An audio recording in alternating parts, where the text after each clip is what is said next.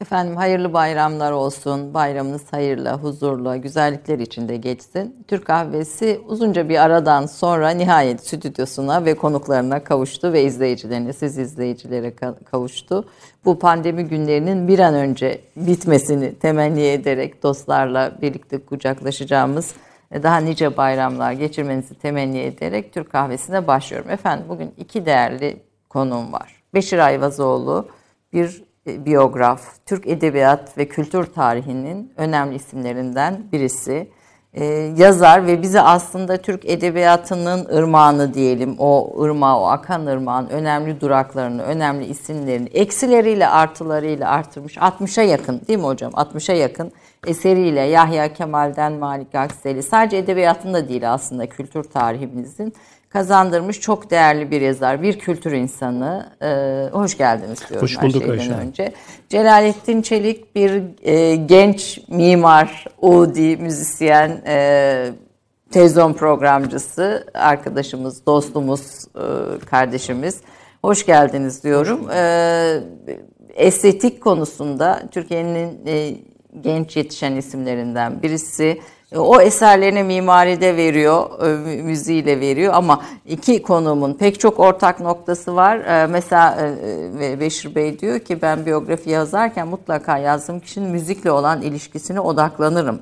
Yani müzikle nasıl bir ilişki kuruyor ona odaklanırım. Sizin de röportajlarınızı okurken onu görüyorum. Mutlaka yaptığınız işte mimari eser veya şeyin müziğin etkisine müziğe bir bakıyorsunuz orada.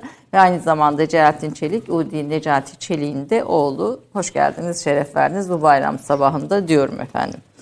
E, mesafemizi koruduğumuza inanıyoruz. hani bu şeyin içinde, stüdyonun içinde.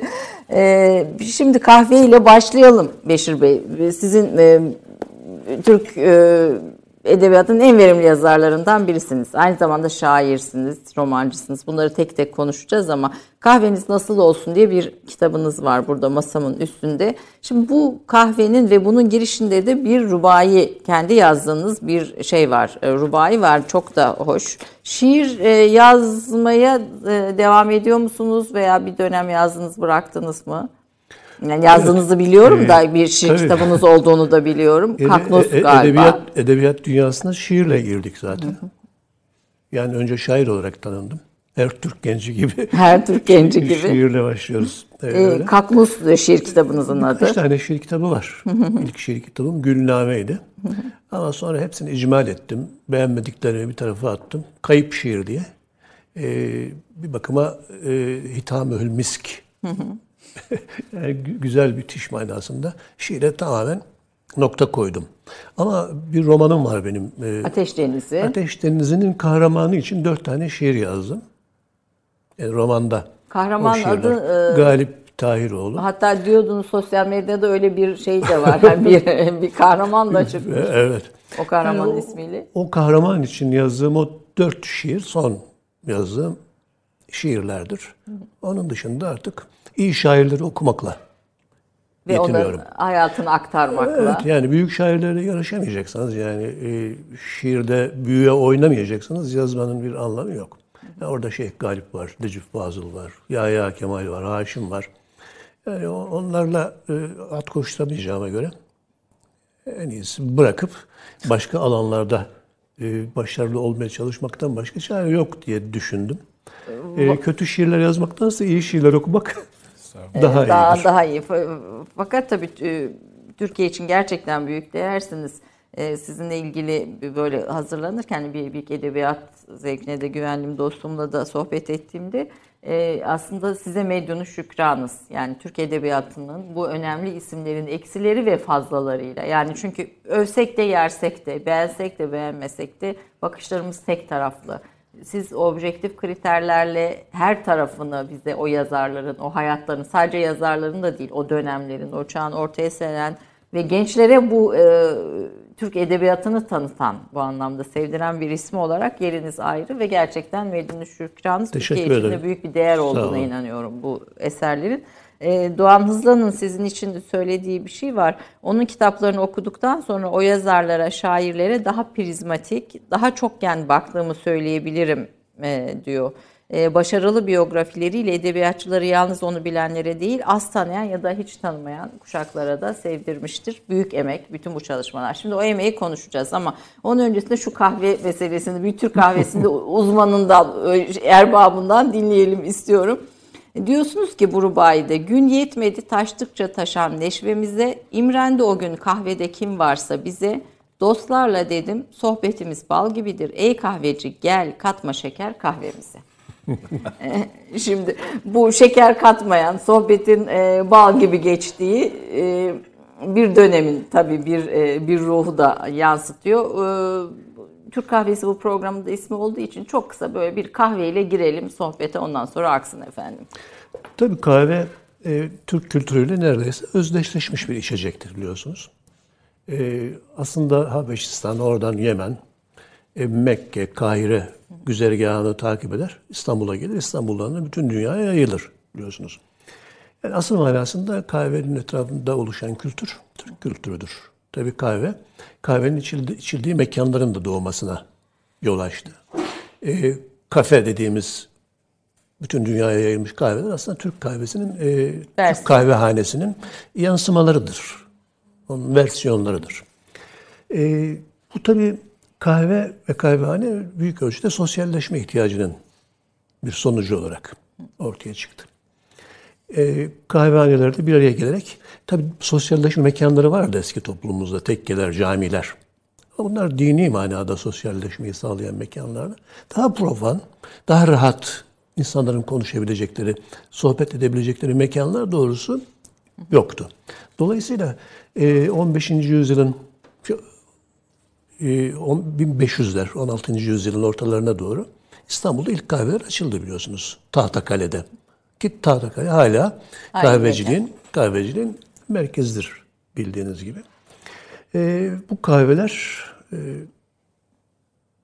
şairlerin, yazarların, musiki şinasların bir araya geldikleri, sohbet ettikleri, birbirlerine şiirler okudukları mekanlardı. Yani sosyalleşiyorlardı insanlar ama devlet de pek haz etmiyordu bu kadar sosyalleşmeden. Çünkü Yetişim. sohbetler bir müddet sonra e, muhalefete dönebiliyor. Politikaya kayıyor. Politika muhalefete dönüşüyor ki devlet sohbeti tabir ederler eskiler. Dolayısıyla rahatsız oldular. Uzun süre bir mücadele. Hem kahveye karşı hem kahvehaneye karşı uzun süren devletle toplum arasında bir mücadele cereyan etti. Ama e, bu e, mücadeleyi toplumun ve kahvenin kazandı. Kazanması kaçınılmaz. Bir zamanların sosyal medyası diyebilir miyiz hocam? Tabii. Bu açıdan. Aslında Tabii. evet bir zamanların Tabii. sosyal medyası. Yani aslında entelektüel e, mekanlar olarak başladı. Bu Halepli hakemle Şamlı Şems adında iki Arap, iki Arap Tahtakale'de bir kahvehane açıyorlar. Hatta muhtemelen bu kahvehanenin veya benzeri bir kahvehanenin olağanüstü bir minyatürü vardır. Ee, bu Dublin'deki meşhur müze vardır ya. Evet. Chester Beatty evet, Library. Evet, evet, evet. Orada olağanüstü bir minyatür var. Ee, 16. yüzyıldaki kahveyi bütün fonksiyonlarıyla ifade eden bir minyatür. Mesela alt tarafta e, tavla, mangala, satranç oynayanlar. Bir tarafta müzik yapanlar, icra edenler. Bir tarafta divanlarını açmış birbirlerine Okuyan. yazdıkları şiirleri okuyanlar. Bir köşede kahve ocağı vesaire. Aslında biraz da kültür şeyi evet, de var tabii. işin içinde. Hatta e, Cem Bahar son kitabında e, müzikle Türk musikisiyle ilgili yeni e, yaklaşımını bu, bu minyatüre dayandırdı. Bu da önemli bir minyatür. E, o minyatür o toplumda o sıralarda yaşanan ihtiyacı çok iyi yansıtıyor. Yani bakın haberleşme, sosyal medya, okuma, e, tartışma tabii, belki biraz. Anadolu'dan gelen insanların buluşma Mekan. noktası zamanla şu oluyor tabii. Ayrıca mesleklere göre sınıflanmış, sınıflandırılmış kahveler ortaya çıkıyor. Yeniçeriler daha çok kahve açıyorlar ama işte ne bileyim Moski şahısların toplandığı kahveler, semai kahvehaneleri, daha sonra meslek kahve, amelelerin toplandığı kahvehaneler, Yeniçerilerin ağırlıklı olarak devam ettiği kahvehaneler, kabadayıların açtıkları kahvehaneler. Yani toplumun bir bakıma kendi kendine organize ettiği, bir kendi alanlarında çalışanları bul, bulabildikleri, dolayısıyla onlarla sosyalleşebildikleri mekanlar haline geliyor. Kahveye gelince kahve erkenden, hatta kahvehaneler açılmadan önce yaygınlaşmaya başladığını zannediyorum. Çünkü hacca gittikleri zaman Hicaz'a insanlar orada kahveyle tanışıyorlardı. Dolayısıyla e, Ebu Suud Efendi yasaklamadan önce belki de Ebu Suud Efendi içiyordu. Muhtemelen yasaklasa da içiyor olabilir. E, evet. Zaten mesela Bostanzade e, kahve hakkında lehinde mazlum bir fetva vermiştir. Çok güzel bir fetvadır. Kitapta var. E, zannediyorum Kahire'de veya Mekke'de kadılık yapmış. Kadılığı döneminde kahve tiryakisi olmuş. Belli ki. E, kahvenin zararları konusunda kendisine soru soran bir e, Müslümana manzum olarak kahvenin zararının hiçbir zararının olmadığına söylüyor. dair e, uzun bir fetva yazıyor. Manzum fetva. Yani zamanla saraya kadar nüfuz ediyor. Kahveci başılık. Kahveci başılık. E, saraydaki en önemli görevlerden bir tanesidir. Sadrazamlığa kadar yükselen kahveci başılar vardır. Daha da önemlisi tasavvufla özdeşleşiyor. Şazeliyle. Ki başından itibaren. Tabii. Sadece şazilikte değil tabii kahvecilerin piri şey şazelidir. Ama e, halvetilikte, bektaşilikte, mevlevilikte ki bütün tekkelerde kahve ocağı çok önemlidir. Tekke ilk gelenler kahve ocağında misafir edilir, ağırlanırlar. Yani önemli bir mekandır. Konaklarda da öyle kahve ocağı. Misafirler, mihmanlar önce kahve ocağında mihman edilirler. Oradan e, yukarı alınırlar. E, yani ritüellerde kahve son derece önemli. O kadar ki e, artık e, bir öğünümüzün adı oldu biliyorsunuz. Evet, kahve yani altı. e, sabah namazından sonra kahve içmeden güne başlayamayan tiryakiler var. Ama tabii mideye biraz dokunduğu için aç karnına işte ondan önce takım şeyler yiyorlar insanlar. Artık peynir, zeytin, yumurta, bal, kaymak neyse. Belki çorba içiyorlar. İşte ona kahve içebilmek için bir atlık olarak bakıyorlar. Dolayısıyla kahve altı, Altı. Diyorlar. Evet, bir- Kahvaltı oradan Evet, or, bir, bir deyim Evet. bir deyim haline e, geliyor. E, ba- bayram vesilesiyle bir lokum ikram edelim dedim ama lokum üzerine de güzel bir daha program başlamadan sohbete başlamıştık. Lokumun şeyi nedir efendim? Ha, evet. Şimdi bizde şekerli, e, e, az şekerli kahve içmezlerdi. O son iki devirlere has bir şeydir. Şekerli kahve yok, Yok tabii. geleneğimizde. Tabii. E, kaynatılır, özü iyice çıkarılır. Acı, mırra gibidir yani. Mır, evet. Mırra gibi acı kahve. Acı kahve tabiri de vardır yani. Bir acı kahvemizin. Evet. İç tabiri de vardır. Ve acı kahvenin yanında ağzı tatlandırması için yedikli bir lokum konuyor. koyarlar. Yani mutlaka lokumla birlikte kahve ikram eder. Tabii bir bardak su. Bir bardak su. Su da önce içilir biliyorsunuz. Kahvenin yanında sonrasında değil. Fransızlar öncesi- sonra içerler. Bat, Batılılar sonra içerler. Bizim e, geleneklerimizde kahve önce içilir, su önce içilir kahveden. Çünkü ağızdaki diğer tatları alsın götürsün. Kahvenin tadını Evet. iyi alalım. Keyfini. Keyfini iyi alalım, çıkartalım. Evet, bir şey mükeyfat tabii. Yani kahveden alınan zevke keyif Denebilir. Denebilir. Evet, evet. bir ara sohbet ettik Evet, keyif evet, evet. Keyif üzerine. üzerine bir- Evet, yani mükeyyifattan sayılabilir. Evet, e, lokumun e, sebebi hikmeti Bu o, is- e, ama e, boğazı rahatlatan e, bir şey var, anlamı var diyorsunuz eski İstanbul. Tabii tabii. Yani e, kelimenin etimolojisine baktığınız zaman e, Arapça rahatül hulkum. Boğazı rahatlatan şey manasında bir kelimedir, tabirdir.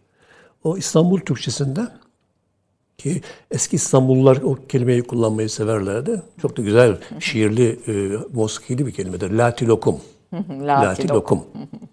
Bu işte zamanla kısalıyor.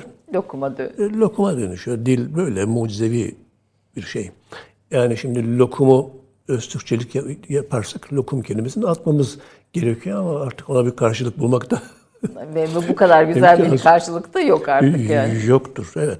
Yani. Yani dilde dilde kelimelerin e, menşeine, kökenine bakılmaz. Önemli olan o dilin o kelimeyi alıp kendisine mal etmiş, damgasını basmış, zevkini ona yansıtmış olması esastır.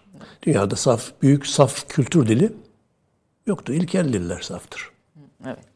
Efendim, e, Celalettin Bey bir e, Udi sanatçının, Necat Çelik gibi önemli bir sanatçının evladısınız, e, oğlusunuz. Udi'likte bir, bir tarafınız da var ama bir Ben de... tamburla aslında uğraştım. Ben Udi mi dedim?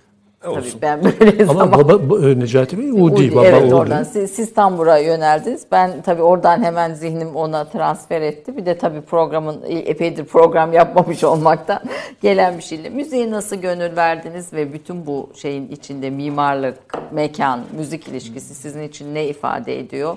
Ee, gelenekten geleceğe e, konusunda da çok e, hem röportajlarınızda hem televizyon programlarınızda dikkat ediyorum. Geleneği koruyarak gelecekle köprü kurma noktasında böyle çok e, yorumları olan da bir e, birisiniz.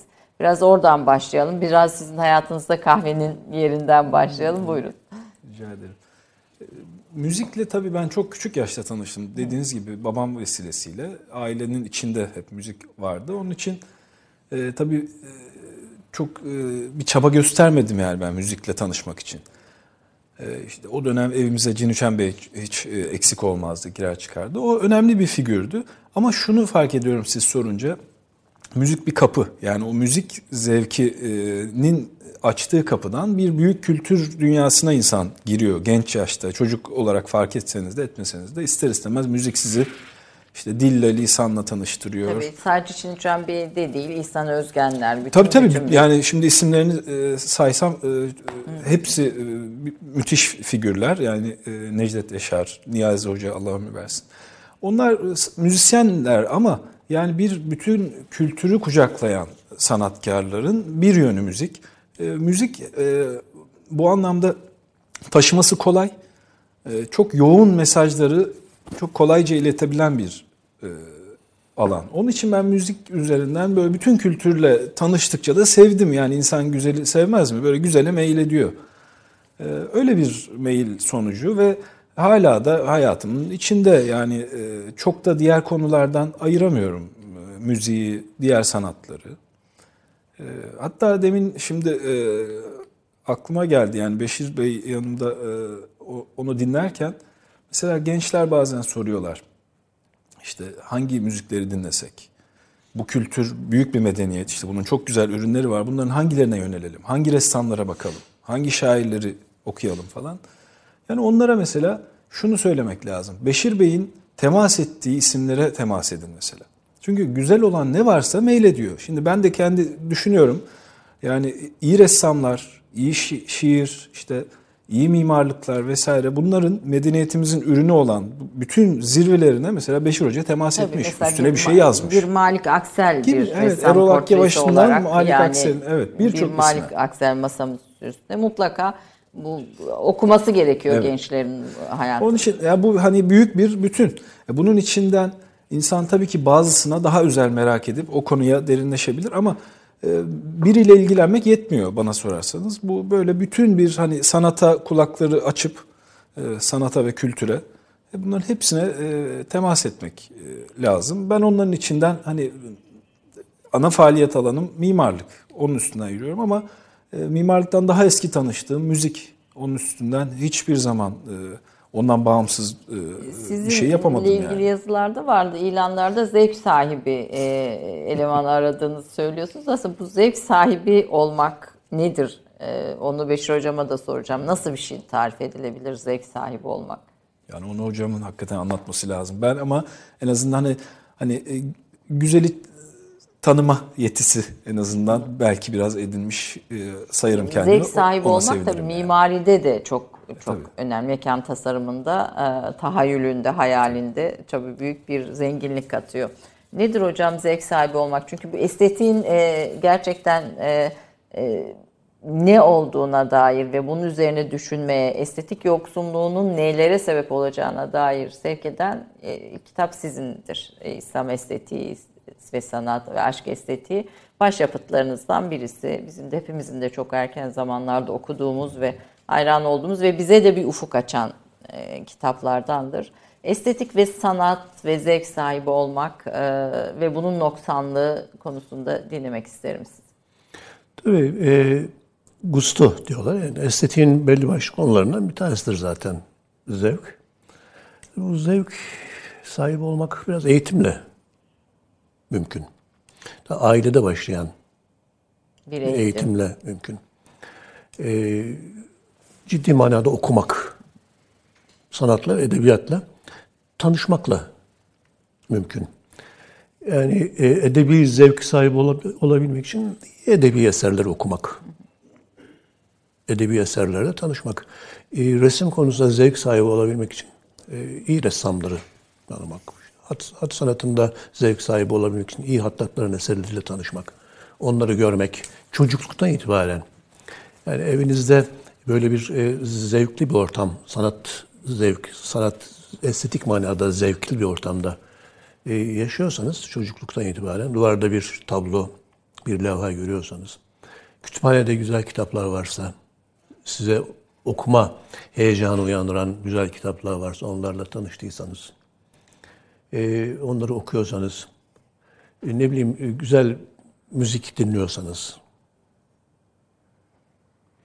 zaman içerisinde iyi müziği kötü müzikten Ayırt, ayırt edecek bir yol haritanız varsa, o haritayı çizecek bir e, öncü bulabildiyseniz ailede, okulda, e, arkadaş çevresinde, zaman içerisinde e, seçici olmaya başlıyorsunuz.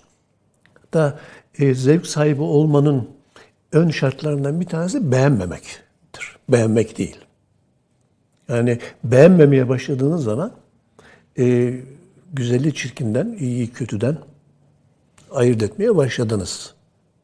Evet, demektir. önce önce bir Sen sen de her şeyi beğenmiyorsun kardeşim. Bu güzel bir şey diyorsunuz. diye evet, diyenlere aldırmamak lazım. Eğer bir şeyi beğenmiyorsanız e, niçin beğenmediğinizi açı, açıklayamazsanız bile mutlaka o, o, onu ayırt edecek bir hassanız var. Evet. Demektir. Bu zamanla kazanılabilecek bir şeydir. Ama burada evet, edebi... şartlar e, buna uygun olursa kazanılabilecek bir şeydir. Burada edebiyatın da etkisi, edebiyatın ve çok, müzik çok önemli. zevkinin, dinlemenin de etkisi büyük. Sizin 1924'te bir resmin e, resim üzerine e, bir kitabınız var.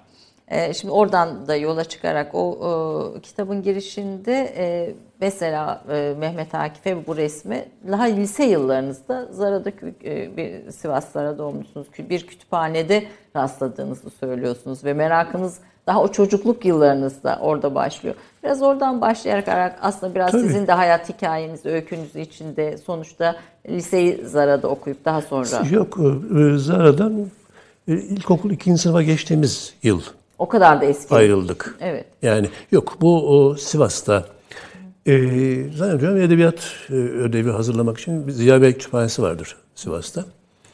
E, milletvekilliği yapmış, Sivas'ı temsil etmiş. Önemli bir şahsiyettir. Kitap meraklısı. Koleksiyoner. E, kargir bir kütüphane yaptırmış. Ve koleksiyonu o kütüphanede muhafaza ediliyordu. Açık kütüphaneydi ama kimse de gitmezdi.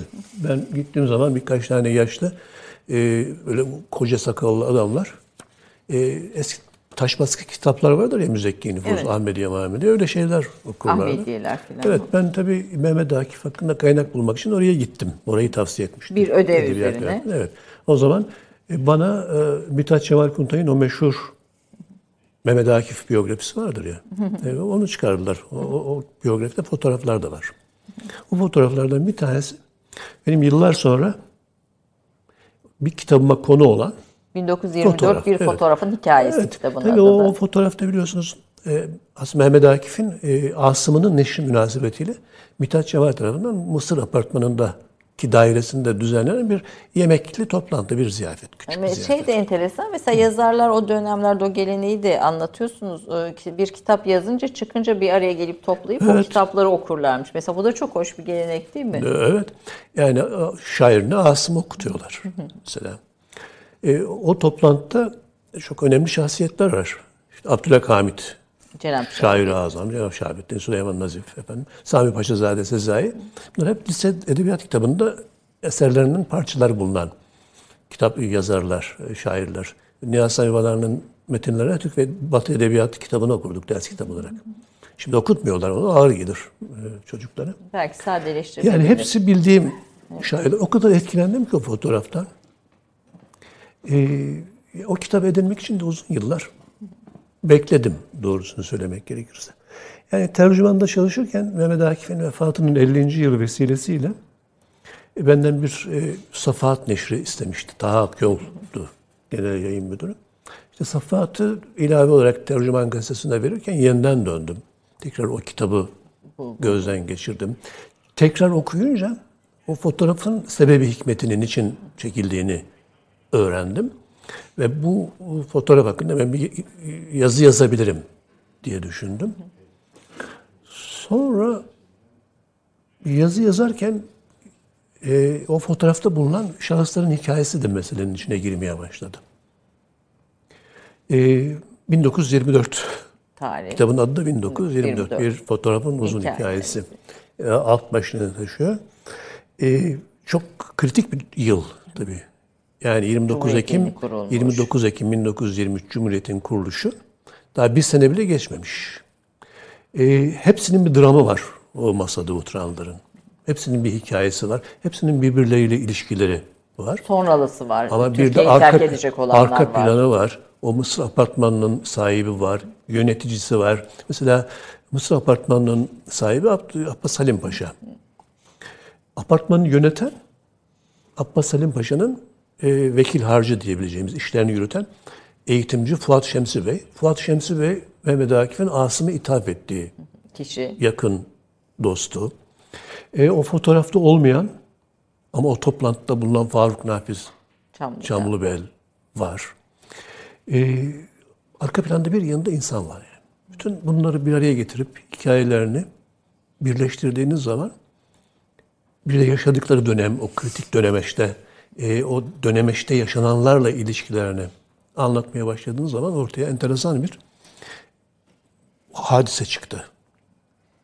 Yani bir fotoğraf okursanız Arkasında bir neler çıkabileceğini, neler anlatabileceğinizi orada görebiliyorsunuz. zaten bir e, öncesini bir e, fotoğrafın çekildiği anı bir de sonrasını ki kitapta anlatıyorsun. Bir de O, o masaya kadar, o masaya zoom da yapıyorsunuz şeyde yani o masayı da ta- tasvir ediyorsunuz.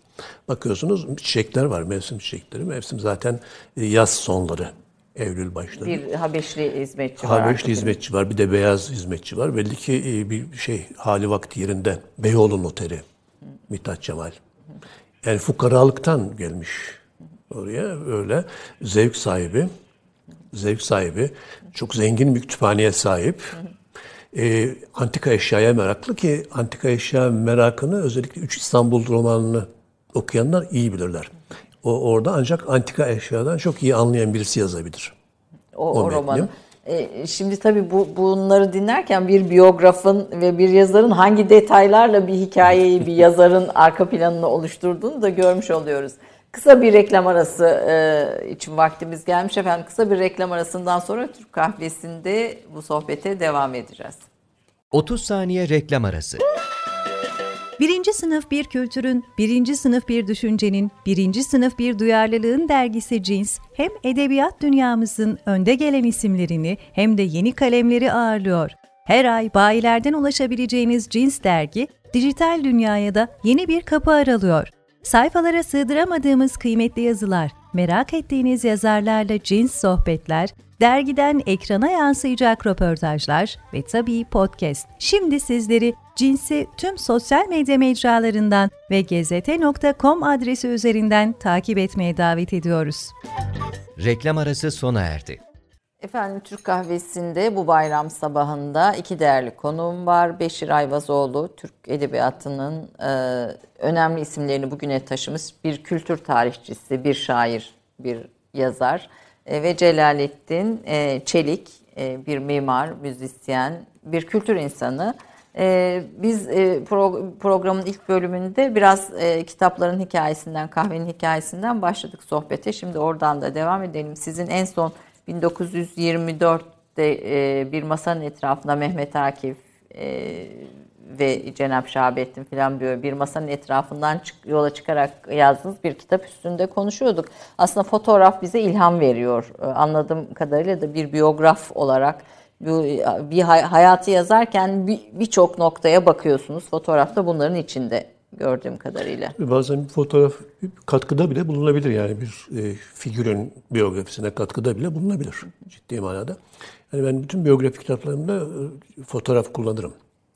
Çok mesela e, Fikret biyografisinde neredeyse 100 civarında fotoğraf var. Bazıları da yeni fotoğraflar. İlk defa kullanılan, Tabii ilk Fi- defa kullanılan Fikret, var. Tevfik, Tevfik Fikret son e, eseriniz. E, Evet. E, Erol Güngör basılmadı henüz. o Basılmadı, da hiç evet. yapılmayan bir çalışmaydı. E, değerli Fikir Adım ve sosyolog. O, ama Fikret de çok önemli bir kitap. Bu e, son çıkan e, biyografi kitabınız. Tevfik Fikret de ilginç bir şahsiyet. Tartışılan bir şahsiyet. Hatta farklı kesimler arasında kimi tarafından e, çok eleştirilen, kimi çok benimsenen ama sonuçta kes, kesinlikle Türk Edebiyatı için tartışılan bir şahsiyet. Ona geçmeden önce Celalettin Çelik Bey'e biraz e, dönmek istiyorum. Gelenekten geleceğe vurgusu yapıyorsunuz. E, Bunu biraz konuşmuştuk. E, Ve e, evde gelişen bir müzik zevki, bir edebiyat zevki, bir mimari, bir estetik, bir sanat zevkinden geldik. Bu gelenekten geleceğe köprüyü e, nasıl kuracağız? Siz e, daha genç de bir bakış açısıyla hani biz anlatıyoruz. Bizim bizim jenerasyon anlatıyor bu işi. Bu işin uygulaması nasıl olacak? Yani bu köprü nasıl e, atılacak diyelim, kurulacak? Buyurun. Yani çok tabii ben de bilmiyorum cevabı ama gelenekten geleceğe aslında bir televizyon programı ismiydi. Çok da jenerik bir isim. Yani benim çok da hani kullandığım bir şey de değil aslında isim. Ee, kulağa tabii hoş geliyor. Ama aslında şuradan belki neşet etmiş olabilir. Ee, bizim tarihi birikimimiz, üretip e, ortaya koyduğumuz, yapıp ettiğimiz işler çok zengin. Bunların e, birçoğundan da hani bugün çok haberdar olmayan bir hayat yaşıyoruz. Bunlardan biraz haberdar olmak belki e, benim e, vazgeçmediğim bir e, mesele. Yani bizden önce yapılmış, edilmiş e, iyi müzikler, e, iyi yazılar, iyi mimarlıklar, bir bütün kültür var. Bunlara birazcık aşina olmak, biraz bunları tanımak sonuçta e, bizim üzerimize bir vazife diye düşünüyorum. Bu şu anlama geliyor gibi görünüyor bazen. Sanki geçmişte yaşıyormuşuz falan ya da sadece orada bir güzel e, üretilmiş. Hayır benim dönüp baktığım zaman gördüğüm tek şey o. Elimdeki o. Benden öncekilerin yapıp ettikleri. Ama biz bu, bu zamanda yaşıyoruz tabii. Yani ben hele genç biriyim dediğiniz gibi halen. Ee, ve öyle hani bu geçen isimler bu hani yüksek zevk e, ürünü e, sanat eserleri vesaireden ibaret steril bir hayatta yaşamıyorum. Yani böyle bir e, öyle bir yanılsamaya da e, yol vermemek lazım. Yani bunlar hayatta tattığımız, benim en azından işte zevk aldığım, merakla araştırdığım şeyler ama bugün hayat bunlardan ibaret değil. Yani bu kadar yalıtılmış bir durumu da yok. E, Birçok farklı güncel e, şeyle besleniyoruz. Yani birçok müzikle, birçok yemekle, birçok e, e, metinle bugün muhatabız. E, Onun için ben bu sadece bunlardan ayrı e, iyi şeyler de var ve ben hani e, nispeten onları e, birazcık karıştırıp sevip zevk aldığım için sanki hep onlar varmış gibi oluyor. Ama onların büyük bir e, nitelik, büyük bir estetik değer, büyük bir kültürün ürünü olduğunu en azından e, o zevki tatmak e, Gerekiyor. Meş, gerektiğini meş düşünüyorum. tabii Ama yani sonuçta bu zamandayız. Ben hep bunu da e, vurgulamaya çalışıyorum ve benim bugün ürettiğim şey bugün ortaya çıkıyor.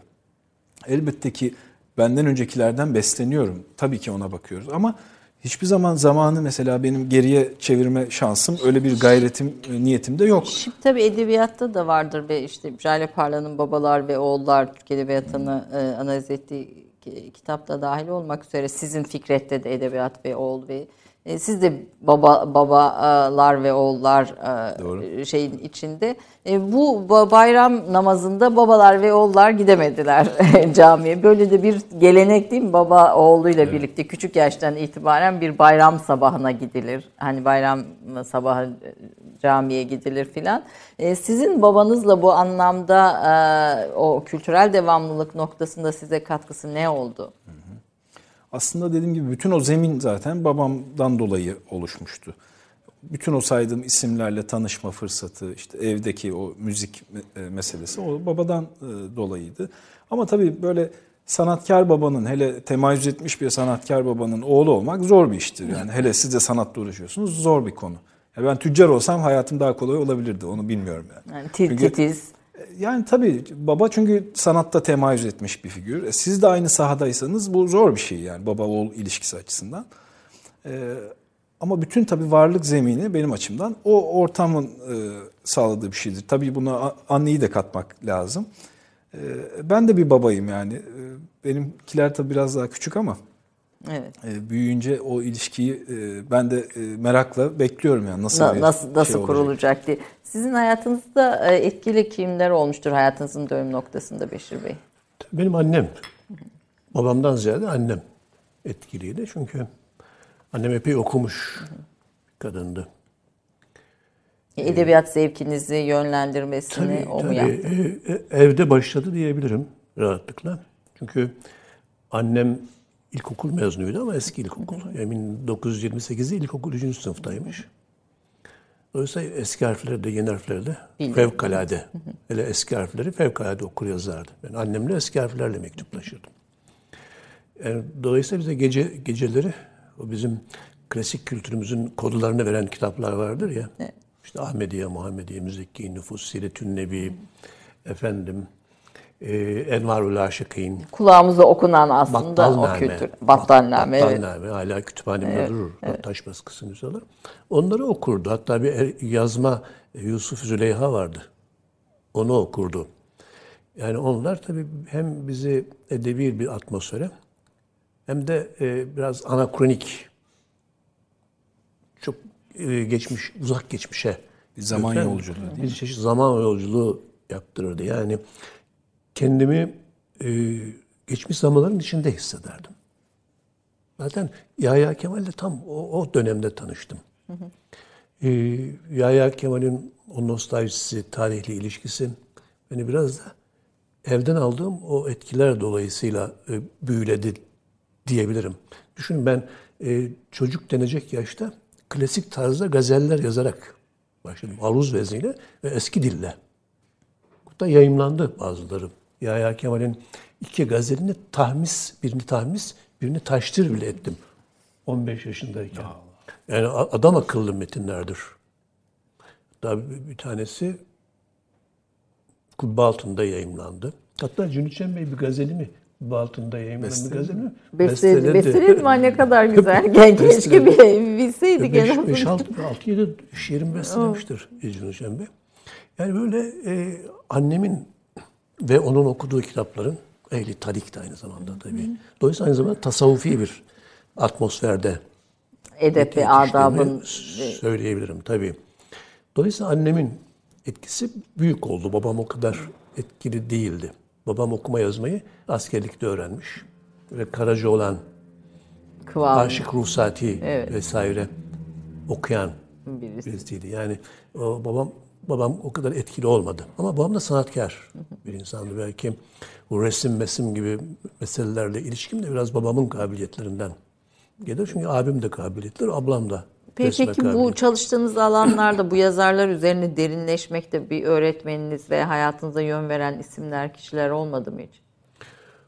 Vallahi tabii e, Yani en çok kimden etkilendiniz ya da işte Yahya Kemal ya, Yetkin'in bizim gençliğimiz bu ideolojik kavgaların içinden geçti. çok e, yoğun olduğu dönemlerde.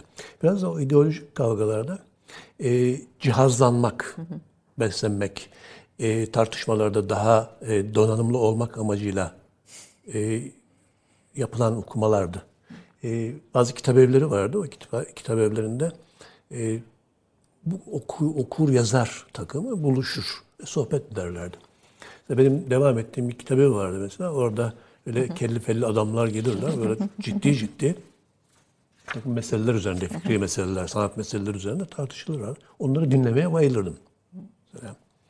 Ama yazarlık e, hevesim çok erkenden başladı yani. ilkokulda başladım ben aslında. Şiirle başladım tabii. Yani okuduğum metinlerin benzerlerini yazma arzusu. Ki yazarlık genel olarak böyle başlar. E, erken okumak o bakımdan son derece Faydalı. önemlidir. Yani okuyorsunuz bir masal, bir hikaye okuyorsunuz. Ne kadar güzel yazmış. Acaba ben de bunun gibi yazabilir miyim? diye denemelere başlıyorsunuz. Mesela ben hayatımın döneminde tutulduğum yazarlar vardır. Mesela bir dönem Abdullah Ziya Kozanoğlu'nun tarihi romanlarına tutulmuştum. Neredeyse bütün seriyi, Serisini. bütün seriyi okudum. Ve ortaokul son sınıftaydım zannediyorum. Ee, daha hiç deniz görmediğim halde hayatımda korsan romanı yazmaya kalkıştım. Çünkü Türk korsanları romanı vardır. Bu Hı- Hızır Reis yani Barbaros Evet. ve kardeşleri Anlatan. Oruç Reis ve Ahmet Reis'in hayatlarını anlattığı Turgut Reis vesaire Seydi Adirsi vardır bunun içinde. O kadar hoşuma gitmişti ki o roman. Oturup korsan romanı yazmaya kalkıştım. İki defter doldurmuştum, kocaman defter. Tabii yazarken yazının meseleleriyle boğuşmaya başlıyorsunuz. Cümle Da- kurmaya, cümleleri birbirinin ardına getirmeye, sonra tekrarlardan kaçınmaya vesaire. Yani güzel yazmak için gayret sarf etmeye başladıktan sonra aslında yazarlık yoluna Yavaş yavaş. Girdiniz, İlk, ilk kitabınız e, kaç yılında? İlk kitabım tabii birçok dergilerde yazdım. Şiirlerim, yazılarım yayınlandı. ama 1982 Aşk Estetiği. Aşk Estetiği ilk. Ben, ben 90'larda bendeki bu şey baskısı 90'lar. 1982'dir. Ee, Birlik Yayınları. Yazarlar Birliği'ni kurduktan sonra e, D. Mehmet Doğan bir yayın evi kurdu. Evet. Birlik Yayınları diye. O yayın evinin ilk kitaplarından biridir. Tabii siz Aşk Türkiye Estetiği. Günlüğü'nün de kurucuları arasındasınız Evet. aslında bir Türkiye dönem. Günlüğü'nün de kurucularındanım. Ama o aşk estetiğini oluşturan asıl metin Bursa'da yazmıştım. Bursa'da öğretmendim o zaman. Bir gün ziyaretime Mustafa Kara ile İsmail Kara. geldi. Bursa'ya ağabeyisini ziyarete geldiğinde İsmail Kara geldiler. Ya böyle bir metin yazdım falan dedim. Şöyle 40 sayfa daktilo metin. Ee, İsmail kaptı. Öyle huyu vardı. Evet. Metni kaptı ve hareket mecmuasında neredeyse yarısını dolduracak makale halinde. ne kadar güzel bir şey. İslam sanatlarında gerçekliğin kavranışı diye uzun bir makale. O makale inanılmaz sağda solda yani. Bir alaka uyandırdı. Tabii arkadaşlar ya şunu genişlet, kitap yap vesaire dediler. Çalıştım. O kitap ortaya çıktı. Ama ilk kitap tabii e, biraz da cahil cesaret. Ama bir başyapıt Şimdi- diyebiliriz. Tabii bazen o cesaret olmadan Evet. olmaz yani. Bazen cahil cesareti işe yarar hakikaten. Bodoslama dalıyorsunuz yani işin içine. Ama bir ikincisi çıktı, bir üçüncüsü çıkmadı. Galiba bir üçleme olacaktı o. Ya işte yani sonra baktım da aslında benim yani boyumu aşan bir Estağfurullah. iş. Ee, evet boyumu aşan bir iş olduğunu fark ettim ama tabii o kitabı yazarken sanat, İslam sanatlarının estetiğin genel olarak problemleriyle tanıştım. En azından. Ee, estetik nedir, nelerle uğraşır efendim, batı estetiği nedir, doğu sanatlarının arkasındaki estetik dünya nasıldır, nasıl bir estetik inşa etmişler, niye bu estetiğin teorisini yapmamış Müslümanlar vesaire gibi bir yıl soru sorunca bu meseleler benim ufkumu açtı. Tabii. Ee, yani e, mutlaka uğraştığınız şeyden muhteşem bir sonuç çıkması şart değil. Yani onunla uğraşırken bir yığın meseleyle karşılaşıyorsunuz. Ee, bir bakıma bütün kitaplarımın anası oldu. Yani o kitap beğenilmeseydi, okunmasaydı, tutulmasaydı belki de ben yazarlıkta devam etmeyecektim. Yani ilk kitap, ilk kitabın uyandırdığı alaka, yankı son derece önemlidir bu, bir bu yazar için. diğer kit- yani diğer kitapları aynı zamanda da bir e, devamını getirdi ve o minval Tabii, üzerinde tabii. e, Mesela Güller kitabı iş- onun türevlerinden e, biridir. şey görüyor musunuz? Yani insan tabii hepimiz için öyle siz e, daha sonra fark edeceksiniz belki bunu. İnsanın mesela o kitabın yazıldığı yıllardaki daha e, ba- bakışı daha farklı oluyor. Sonra zaman içinde bütün bu o, geliştikçe, işledikçe o konuları sonra bakış açınızda değişim oldu mu? Yani Oluyor, o zaman, tabii. o Mesela- zaman gördüğünüz mesela ben o zaman şunu tespit etmiştim ama e, bugün şöyle düşünüyorum, bunun değiştiğini düşünüyorum veya daha farklı bakıyorum dediğiniz oldu mu? Ben uzun süre bu aşk estetinin yeni baskısını yaptırtmadım. Yani bir gün ele alırım, yeni baştan yazarım. Ee, yeni malzemeyi kullanırım, yeni bakış açısı, değişen fikirlerimi ifade ederim diye. Fakat bir türlü elim değmedi, cesaret de edemedim doğrusu. Fakat çok ısrar edilince, çünkü ders kitabı olarak okutuluyormuş birçok üniversitede. Fotokopi yoluyla çoğaltılarak kullanılıyor. Yayıncılar çok ısrar ettiler. En sonunda yayıncım kapı yayınlarında. Mutlaka basalım deyince ben uzun bir e, giriş yazarım buna öyle yayınlarım dedim. Ve kitabın macerasını anlattım. Sonra e, kitabın içini yayınlamadığımı, işte değişen fikirlerimi, daha sonra bu konuda yapılan çalışmaları falan hülasa eden uzunca bir metin yazdım. Şu elinizdeki baskıda, Evet, elinizdeki baskıda o giriş vardır. tahmin ediyorum. Altın Kapı da var. Ee, Şey de hayır, e, Aşk Estetiği'nin yeni baskısı. Tamam. O- onun girişinde uzun bir metin bulacaksınız giriş olarak. Orada bütün kitabın macerasını, Hikayesi. yankılarını, yankılarını e, anlattım. Tabii o sorduğunuz sorunun cevabı da aslında o metinde var. Yani bazı görüşlerime şimdi pek fazla da katılmıyorum. Zayıf geliyor bana en azından. Şimdi yazsam daha iyisini yazabilir miyim ondan da emin değilim. Ama sanat üzerine yazmayı hiç bırakmadım. İşte önünüzde bir kitap var. Altın Kapı, Altın Kapı. resim, müzik ve şiir üzerine yazılar. Evet. Bu da böyle çok kıymetli. Resim üzerine epey e, yazı yazdım. E, tabii klasik sanatlar üzerine de epeyce yazı yazdım. Ama mümkün mertebe asıl sahamdan ayrılmamaya çalışıyorum. Asıl Edebiyat. Tamam, edebiyat.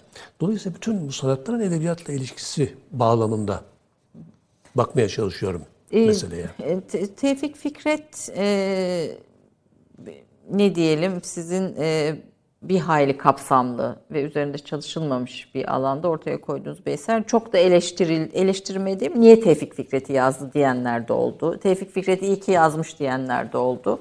E, tartışılan bir isim doğal olarak kitapta üzerinde pek çok tartışmayı beraberinde getirdi. Bir niye Tevfik Fikret? Hani bu şeyin içinde onu bir size sormak istiyorum. Bir de araştırırken ve bulur e, yazarken Tevfik Fikret e, size ne- e, farklı neler söyledi bütün bu belgeler, bulgular ışığında? Bir kere çok enteresan bir adam. Yani çok önemli bir şahsiyet. Edebiyat tarihimizde asla ihmal edilmemesi gereken bir dönüm noktası diyebileceğimiz bir şahsiyet. Ben de bir edebiyat tarihçisiyim. Aynı Dönüm zamanda- noktası derken e, neye atlamaya, neye değişmeye edebiyat tarihinin sebep oldu Tevfik Fikret? Tabii yani bu bahsi, e, bu konuyu anlatabilmek için çok uzun uzun Evet. e, konuşmak Gerekiyor. gerekiyor. Ama yani e, Tanzimat'tan modern döneme geçişte bir e, Kapı. ara bir, bir şeydir, bir kapıdır, bir ara dönemdir. Servet-i Fünun dönemi. Yani Tevfik değil aynı zamanda Servet-i Fünun edebiyatı dediğimiz, Evet. edebiyatı cedide Yeni dediğimiz, edebiyatı. e, dönemi e, göz önünde bulundurmak lazım. Zaten bu kitap bütünüyle o dönemi, o dönemin tartışmalarını, bu konudaki yeni yaklaşımları vesaire içine alan, kuşatan bir kitaptır. Yani sırf Tevfik biyografisi değil, bir dönemi anlatan kitaptır. Ee, aslında ben çeşit biyografiler yoluyla edebiyat tarihi oluşturmaya çalışıyorum. Ee, o edebiyat tarihinde e, Fikret yaşadığı dönem olmazsa çok eksik kalır. Yani Mehmet Akif'i anlamak için bile Fikret'i anlamak Gerekiyor lazım önce. Zaten kendisi Fikret olmasaydı ben olmazdım diyor. diyor Mehmet Akif. Aslında e, düşman kardeşler diyebiliriz. Cemil Meriç'in de ifadesidir bu düşman kardeşler. Birbirlerini var ederler. Yani evet e, şiir anlayışları birbirine çok benzer. Beslenme kaynakları da aynıdır. Yani Fransız edebiyatında beslendikleri şairler, yazarlar aşağı yukarı aynıdır. Bir de, bir de aynı zamanda Osmanlı kültürünün içinden geldikleri için çocukluklarına itibaren beslendikleri kaynaklar. Mesela ikisinin de çok etkileyen çok önemli bir şair ve yazar. Muallim Naci. İkisinin de e, çok etkilendiği hocaları olan bir şahsiyettir. E, zamanla yollar ayrılıyor. Fikret de başlangıçta son derece mütedeyyin bir insan. Zaman içerisinde belli şartlar, e, yaşadığı bir takım travmalar, annesini erken yaşta kaybetmesi, kaybetmesi babasının e, sürgüne gönderilmesi ve bir daha Dönmemesi. dö- dönememesi vesaire, dönemin atmosferi, imparatorluğun inkırazı vesaire o kadar çok. Yani o şartları tam anlamadan o insanları anlamak kolay değil. Bu kitap bize bütün bu atmosferi de veriyor. Hepsini, Sadece hepsini. Fikret'in hikayesi değil, bir dönemi de veriyor. Tabii, Tabii, Bir dönemi veriyor. Bir de sanatkar bir adam. kendi gömleğini de Yani kendi tasarlarmış ben mesela. Eşi aslında- dikermiş. Tabii tabii neler. Yani asıl yazmaya karar verdiğim an şu. Bir sahaftan Haluk'un defterinin Buldunuz. ilk baskısını satın aldım. Epeyce de bir yüksek bir fiyata satın aldım. Yani kitaba bakıyorsunuz tasarım o kadar modern ki son derece modern bir tasarım. Yani bugün bir tasarımcı öyle bir kitap yapsa çok modern tasarım diyebilirsiniz. Kendi rikasıyla hattattır aynı zamanda.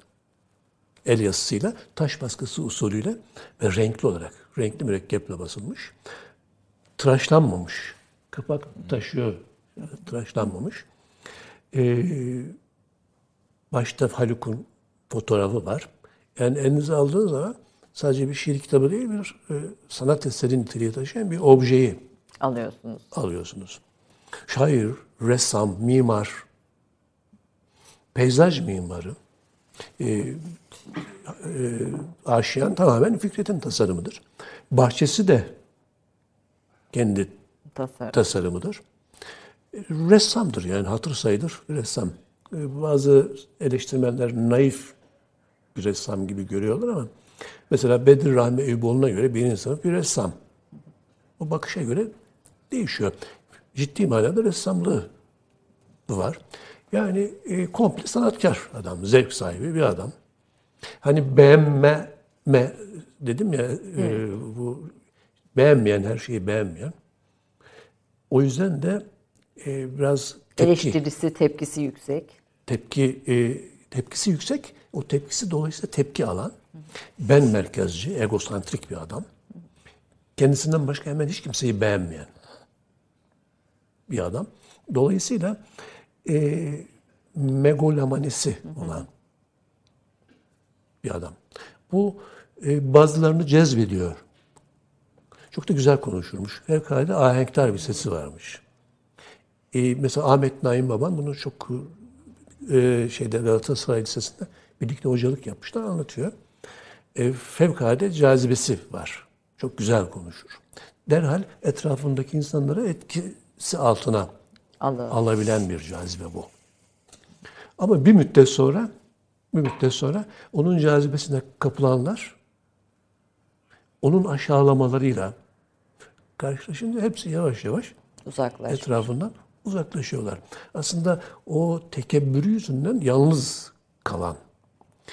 E, Hırçınlığının sebeplerinden bir tanesi de bu yalnızlığı. En yakın arkadaşlarını bile düşünün. Biz uzaktan bakınca Hali Ziya Uşaklıgil, Mehmet Rauf, efendim İsmail Safa, Hüseyin Cahit Yalçın vesaire gibi. Bunları hep can ciğer kuzu sarması diye bir tabir vardır ya. Uzaktan bakınca Servet Fünun Edebiyatı etrafında birleşmiş bu isimlere bakınca hepsini çok e, e, yakın dostlar zannederiz. Hepsiyle küstü.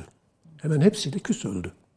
Evet. Çünkü çünkü hepsini hepsini e, telafi edilemeyecek bir şekilde kırmış. Ne- Nefi'nin diliyle uğradı hakkın belasına diyesi bir mısra vardır Nefi'den. Yani Bilen bu da böyle bir Bir şey. biyografi yazarı için fevkalade cazip bir figür. Peki şey e, bir reklam arası için yönetmenim oradan e, işaret veriyor. Celalettin Bey'den de aslında böyle bir tambur da dinlemek istiyoruz bu arada hemen reklam dönüşünde ama e, e, konuşturamadık. Evet, evet. Hayır bir e, tabii e, sinema vesaire bu işlere de ilgi duyan birisi olarak şimdi anlatırken gözümde böyle bir karakter canlı. Yani sadece bir sinematografik bir karakter değil mi Tevfik Fikret? Çok, Kesinlikle yani. E, ve siz biraz onun ruhuna da girmişsiniz. Yani yazar, yani mesela ya- e, yönetmen de girer sinemada. Siz de yazar olarak Tevfik Fikret'in ruhuna ve dünyasına nüfuz etmişsiniz. Evet, başka Zaten türlü anlamak Mesela biyografi e, si yazılan kişiyi baştan inşa ediyor biyograf değil mi? Yani aslında Fikret kitabı e, Fikret'in kendisinden ibaret değil. O Beşir Hoca'nın gözüyle başka bir şeye Başka dönüşüyor bir- artık. başka bir Belki onu esere da aşıyor dönüşüyor, evet. birçok e, yani biyografiyi durumda. konuşursak o, o Tabii. biyografi yazarı da Biyografi- ayrı bir hadise. Evet bambaşka bir mesele değil mi hocam? Yani Ama burada on parmağında on hüner bir genç var. Yani onu konuşturmuyoruz. Yani, evet, onun onu konuşturacağız efendim. Başka programlarımızda olur konuşturacağız hep beraber. Bir kısa reklam arasına gidelim. Reklam arasından sonra buradayız. Ne dinleyeceğiz reklamdan sonra? Bu arada biz tamburumuzu da hazırlayalım. Bir şey dinleyelim bir müzik reklam. sizden. ba- e, bir eser düşündünüz mü? Evet düşündüm. Düşündünüz. Beşir Bey'in yanında olunca ister istemez Ateş Denizi, Galip Tahiroğlu ve Tamburi Cemil e, geliyor. Yahya Kemal geliyor. Bunlar gelince Şadaraban geliyor. Bir Şadaraban peşrevi e, çalayım. Dinleyelim. Peki efendim Türk kahvesinde hemen reklamdan ayrılmayın. Sonra burada sohbetimizin devam edeceğiz. 30 saniye reklam arası. Türkiye'nin tek haftalık haber dergisi Gerçek Hayat, gündemi yakından takip ettiği dosya ve röportajlarıyla her pazartesi okuyucusuyla satış bayilerinin raflarında buluşuyor. Gerçek Hayat artık sayfalardan dijitale taşıyor. Sayfalara sığmayan yazılar, röportajların perde arkası, interaktif içerikler. Gerçek Hayat artık size daha yakın. Tüm içeriklerden ilk haberdar olmak istiyorum diyenler. Gerçek Hayat, GZT'nin sosyal medya hesaplarına davet ediyor. Reklam arası sona erdi.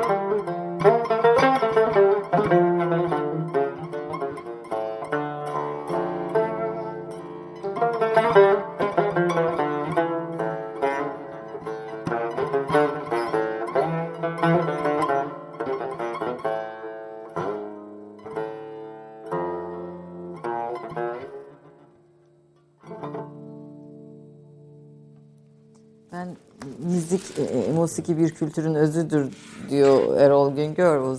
Çok hoş bir şey var o konuda. Gerçekten de öyle. Şimdi bu ruha şifa oldu bayram zamanında. Ruha şifa oldu. Bu e, eserin bir hikayesi var mı? E, Evet, Şederaban Peşrevi Evet. çaldı. Ee, Şederaban e, bir bakıma Cemil Bey'in ihya ettiği, Cemil Bey Doğru. dostlarının ihya ettiği makamdır. Aslında işte senin devrinde Evet, e, Şederaban terkip makamı edilmiş sayılır. evet o zamanlarda terkip edilmiş ama zaman içinde çok fazla e, revaç görmemiş. Ta ki Tamburi Cemil Bey bir peşre ve semai besteliyor o makamdan. Saz ama semaisi. özellikle saz semaisi çok bilinen bir eser. Ben bugün bilerek peşrevi Peşrevi çaldım. Daha az çalınıyor. ama, müthiş bir derini işleyen bir Hmm, ne güzel. tınısı var. Saz makamı onun için. Tamburi Cemil Bey ile tekrar doğmuş diyebiliriz. Hatta e, Yahya Kemal'in Varşova'da dinlediği plak Şederaban Saz Semaisi değil mi hocam? Yani Büyük rivayet, ihtimal- büyük ihtimal. Ben, ben onu dinlediğini Artık varsaydım. evet, biz de öyle kabul ediyoruz. Biraz benim hayal gücüm devreye girdi, girdi Evet. diyorsunuz.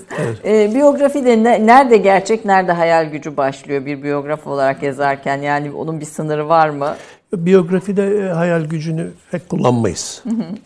Yani mümkün mertebe, mümkün mertebe e, belgelere, e, somut verilere dayanarak yazmaya çalışırız ama hani e, bir insanın hayatın bütünüyle belgelemek Mümkün olmadı. mümkün. Tarih de öyledir. Tarihi de bütün safhalarını e, belgelere isnat ettirmek mümkün değil. Zaten belgeler de zaten o belgeleri düzenleyenlerin görüşünü yansıttığı için ne kadar Resim gerçeği diyoruz o Evet, yüzden. Tabii. Biyografi hakikaten benim de bu konuda hocayla birkaç kere de konuştuğum bir konu. Ee, Mesela birinin biyografisini yani beni mesela anneme sorsanız başka bir e, Tabii. şey- resim Tabii. çıkar. Ee, Kardeşime sorsanız başka bir resim çıkar. Çok yakın bir dostuma sorsanız başka bir resim çıkar. Öznel, öznel. Tabii biraz öyle bir tarafı var. Dolayısıyla asıl bir biyografi yazarı aynı zamanda e, biyografisini yazdığı şahsı anlatırken kendisini de anlatır. Çünkü e, durduğu yerden e, kendi kapasitesi ölçüsünde, kavrayabildiği ölçüde anlatır. Dolayısıyla e, her tarihi anlatan biyografi olsun, monografi olsun, tarihi araştırma olsun e, bir inşadır nihayetinde.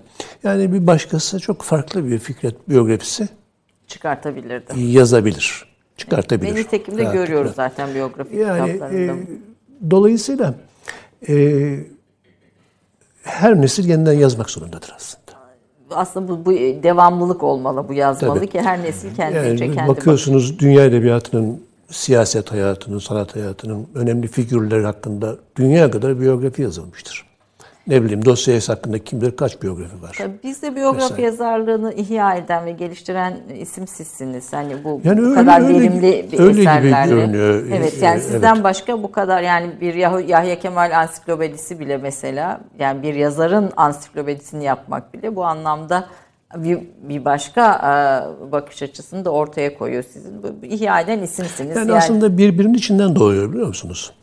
Yani mesela Peyami Safa biyografisini yazdım. 1999'da yap- yapılmıştı ilk baskısı. Onu yazarken e, onun çevresiyle de ilgileniyorsunuz kaçınılmaz olarak. Mesela e, kitabın bölümlerinden bir tanesi Ahmet Haşim'de gir- giriştiği polemik. Oradan Ahmet Haşim'e geçiliyor. Tabii o Ahmet Haşim zaten ilgilendiğim şey. Onu Ahmet Haşim'le ilgili okurken onun notlarını alıyorsunuz. Mesela şiir kralı ilan ettiği bir e, önemli şahsiyet vardır. 1920'lerde 30'larda Türk edebiyatının ve mizahının mizahının e, başlıca mevzu Florlan Nazım Bey vardır. Mesela ona şiir kralı lakabını takan Peyami Safa'dır. Tabii onunla ilgilenmek durumunda kalıyorsunuz. O sonra bir biyografi Aslında oluveriyor. birbirini açıyor böyle. Birbirini açıyor işte. E, Peyami Safa'yı yazdığınız zaman e, Fikret'le ilgilenmek zorundasınız. Mehmet Akif'i yazdığınız zaman Fikret'le ilgilenmek zorundasınız. Flornan Nazım'ı yazdığınız zaman çünkü her yıl dönümünde, Cumhuriyet döneminde aslında unutulmuştur Fikret.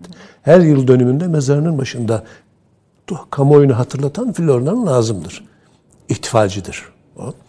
Ee, yani e, bunlarla ilgilendiğiniz zaman o sizi doğrudan doğruya Fikret'e Fakat götürüyor. Hepsi bir kitap aslında bir bunların. kitap. Bir kadın yok bunların içinde. Evet. Bir kadın biyografisi yok. Ee, yani bir kadın yazarın, e, bir edebiyatçının da biyografisini bekleyelim. Yani kim, düşündüm yani kim yazabilirim? Mesela yani Halide Edip yazıldı çok. e, Ne kadar yazabilirim? Bence çı- çıkar. Bilmiyorum. Yani Ee, bence yani- çıkar bir hayli e, yazar çıkar diye düşünüyorum. Bakalım.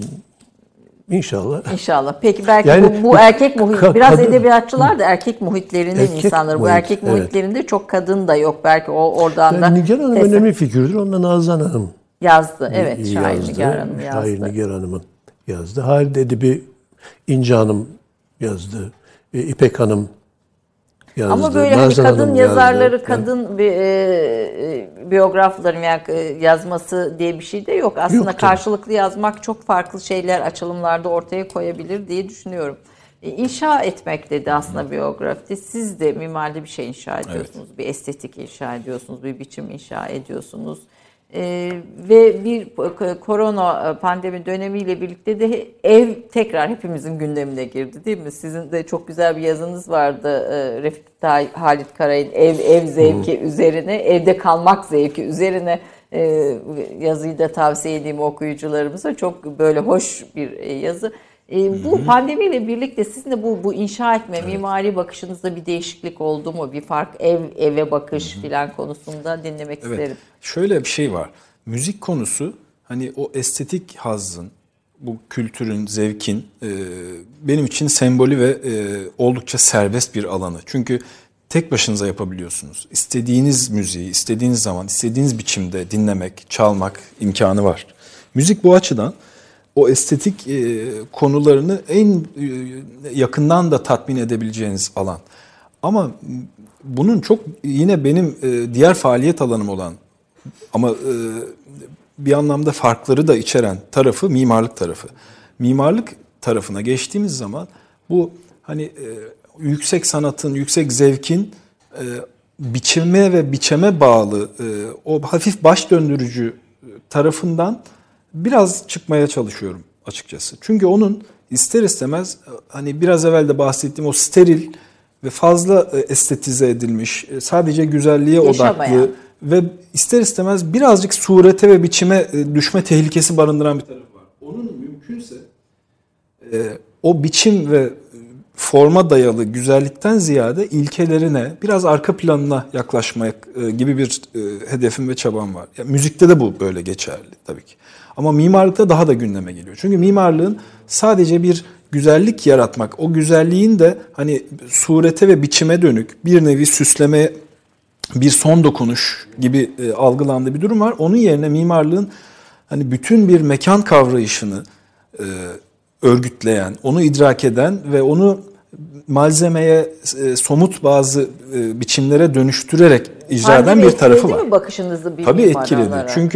Çünkü e, Yani mesela bundan sonra pandemi yaşandıktan sonra bir ev sizin Evet, için neleri içermeli? aslında evle ilgili bir e, derdimiz ve çabamız epeydir vardı ve mesela bununla alakalı ev ve mimari diye bir konuşmalar serisi düzenledik. E, sevgili dostum Halil İbrahim Düzenli ile beraber. 3 sene sürdü bu. Her ay bir konuk davet edip ev üzerine konuştuk. Çünkü ev şunu iddia ediyorum hala da söylüyoruz. Ev bizim temel yakıcı meselemiz. Yani çok e, e, gündemin dışında gibi algılanıyor ama ev e, bütün bu e, hayatın kurulduğu, geçtiği alan hepimizin doğrudan hayatına temas eden bir alan. Biz bunun ne kadar feryadını, davulunu dövsek de e, ancak bu son salgın sürecinde mimar olan olmayan, bu konuyu dert eden etmeyen herkesin gündemine bu zaman girdi. Bu aslında hani olağan dışı, sıra dışı bir durumun ortaya çıkardığı bizim e, gündelik problemimizin fark edilmesi süreci oldu hepimiz için. Ya belki Evin bu- ne demek olduğuna e, özür dilerim sözünüzü kesiyorum. Yani evin üzerine düşünmek için e, bizi bir anlamda mecbur bırakan bir durum bu. Deprem de öyleydi. Bunlar dediğim gibi çok olağan dışı durumlar. Bunlara ihtiyacımız olmamalıydı ev üzerine düşünmek için ama bugün artık bu olağan dışı durumlar bizi buna mecbur bıraktı ve bunun üstünde söylenecek e, hala çok sözümüz var. Belki bir evde yeni e, tasarımlara dönüş olabilir. Daha farklı bir ev tasarımına dönüş olabilir. E, Yaşama alanlarını ferahlatan. Umarım çünkü bizim günlük hayatımız hani ev dışındaki sosyal aktivitelerin çok arttığı bir günlük hayat. sosyalleşme, işte arkadaşlarla buluşma, kafeler, yeme içme bunlar evin dışına çok e, taşındığı için evin içine dönünce birden e, evin e, işte toprakla, güneşle, gökyüzüyle irtibatı, evin iç örgütlenmesi, evin içinde yeme içme imkanının İmkanları. yeterliliği. Mesela o salgın başladığı zaman hepimizin gündemine girdi değil mi? Ekmek konusu bunun e, ne kadar önemli bir şey olduğunu, evin kendi kendine yetebilirliğinin, evde hayatın e, ne kadarının yaşanabileceği konuları gündeme geldi. Tekrar bunları düşünmemiz lazım. Dışarıdaki hayat bir tür yanılsama oluşturabiliyor. Dışarıda e, tatmin oluyorsunuz. O güzel e, yeme içme mekanları, sinemalar falan ama e, evin içinde acaba ailenin bir arada yaşayacağı mekanlar buna uygun mu? Güneşle dediğim gibi havayla irtibatımız nasıl? Balkonlar gündeme geldi mesela. Aslında mimarlara büyük iş düşüyor. Bu belki bu değişimi, bu dönüşümün e, merkezinde siz olacaksınız ama tabii estetize Zavallı edilmiş. mimarlar tabii burada yani tek aktör değil. E, elbette Çünkü bizim ama... temel meselemiz evin bir e, satılıp alın, alınıp satılan ve kendisi üzerinden e, kar beklentisi olan bir yatırım aracı olmasıdır. Asıl temel sıkıntılarımızdan biri budur. Biraz önce konuştuğumuz bütün konuların odağında da şu yapıyor. Çocukken estetize edilmiş beğenilerin, zevklerin olduğu mekanlar e, da eğer bir ki ev bunların başında geliyor. Hani bu çok lüks, çok şık, ihtişam falan değil. Yani çok küçük bir mekan Tabii, da çok olabilir. Çok basit dokunuşlarla çok, basit çok güzel bir şey olabilir. Yani çok basit bir duvar da olabilir. Bütün bunlar insanın müziğe, sanata, edebiyata olan ilgisinin gelişmesine de e, katkı sağlıyor aslında. Hayatta bakışını da değiştiriyor. Hani bu anlamda size büyük iş düşüyor. Estetize Doğru ama bakın şöyle pandemi döneminde mesela küçük bahçeli bir gece kondu. Bu Elbette ki hepsinden daha karlı. Apartman duvarlarına, pencereler apartman duvarlarına bakan evet. bir daireden daha daha insani evet. ve, ve daha rahatlatıcıydı. Evet. Onun için benim burada bir rezervim var. Özellikle estetize etme meselesine. Estetize ederken birçok şeyi meşrulaştırma tehlikesi de var bunun içinde. Hocamın söylediği basit bir küçücük bahçesi olan bir tek katlı gece kondu estetize edilmemiş haliyle evet, çok daha avantajlı olabilir. Ama sizin çok şatafatlı, çok görkemli rezidanslarınız doğru dürüst hava almayan, Onlara toprakla irtibatı zaten. olmayan ama onun içine estetik katılabilir. Yani çok güzel avizeler asılabilir. Çok güzel süslü mobilyalar konabilir. Estetize etmek kavramına ben onun için birazcık temkinli yaklaşıyorum. O estetik e, bir sosa, bir e, son makyaja dönüşmemeli. Çok onun, oluyor onlar. Evet, evet, evet, onun için ondan sıyırıp mümkünse meseleyi daha özüne böyle yaklaşmaya çalışmak lazım. Mimari bu işin temelinde. Gerçekten temelinde. Çünkü biz ne konuşursak yap- konuşalım bunu bir mimarlık eliyle yapacağız. Yani bütün konuştuğumuz fikirler tasarıma e, dönecek. Bu tasavvur bir şekilde mekana dönüşecek. Bunu da tabii ki mimarlar eliyle yapacağız. Mimarlığın rolünün biraz daha belki tekrar gözden geçirilmesi lazım. E, bir şeye e, hani yatırım aracının son e, ürününe dönüşüyor. Ondansa mekanı kuran fikri tarafa doğru mimarlık aktörlerinin belki tekrar konumlanması e, ümit edilir. Özellikle bu süreçten sonra onu göreceğiz. İnşallah biz de e, değerli katkılarınızı bekliyoruz. Efendim programın sonuna geldik. E, Yahya Refik Halit Karay'ın Evde Kalmak Zevki ile ilgili yazınızı tavsiye ediyorum. Önemli bir şey orada çünkü çok güzel anlatmış medeni insan tariflerinden birisi de evde kalmayı bilmek, evde kalmanın zevkine e, sahip olmak. Siz ne yaptınız son olarak? E, bayram sabahı vesilesiyle de izleyicilerimize söylemek istediğiniz şeyler olur mu? Evet. Yani evde kalmak sizde ne oluşturdu? Bir Erol ben... Güngör kitabı çıkmadı henüz onu da buradan duyuralım. Evet. Erol Güngör kitabı geliyor ki önemli. Türk kültür ve fikir tarihi evet. açısından önemli. O geliyor onu bekliyoruz. Ben burada bir kedi edebiyatını da gördüm. Kedi sever dostlarım olduğu için de hemen söylüyorum. Benim kitabım değil ama uzun bir evet, evet. yazı benim e, Sizi yazım. Şerife Çağan hazırlamış. Evet. Türk Edebiyatı'nın kedileri ve kedi e, kedicileri üzerine. En kedici kim? E, ben benim bildiğim en en büyük kedici bizim edebi, edebiyat tarihimizde Hüseyin Rahmi Gürpınar. Hüseyin Rahmi Gürpınar en kedici. Bu, bu da çok hoş. Tam bayramda da aslında böyle bir keyifle okunacak bir kitap. Evet son sözleri sizden alalım. Evet ben e, pandemi günleri zaten evde çok çalışan, oturan bir insanım. Ama hürriyetsizlik her halükarda insanı sıkıyor. E, hep evde otursanız bile dışarı çıkma imkanı olduğu için o, o sıkıntıyı yaşamıyoruz. Ve başlangıçta biraz e, bunaldım, verimsiz oldu ama giderek alıştım. E, Birçok makale yazdım. E bir de benim Şeyh Galip'in biyografisi vardır. Kuğu'nun son şarkısı diye. Onu yeniden yazdım. İki, bir misli genişledi. E, yani Hazreti Galip'e yaradı. Yaradı yani sonuçta evet. pandemi. Evet yani e, de değerlendirenler iyi değerlendirdiler aslında.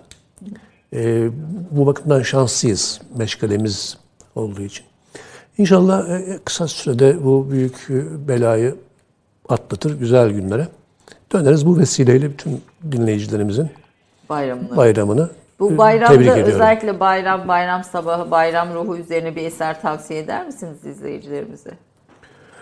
Valla e, müstakilen bayram üzerine yazılmış kitap yok ama tabii edebiyatımızda bayram başlı başına mesela. E, eski bayramları, İstanbul bayramlarını özellikle en iyi anlatan yazar bana sorarsanız Ahmet Rasim'dir.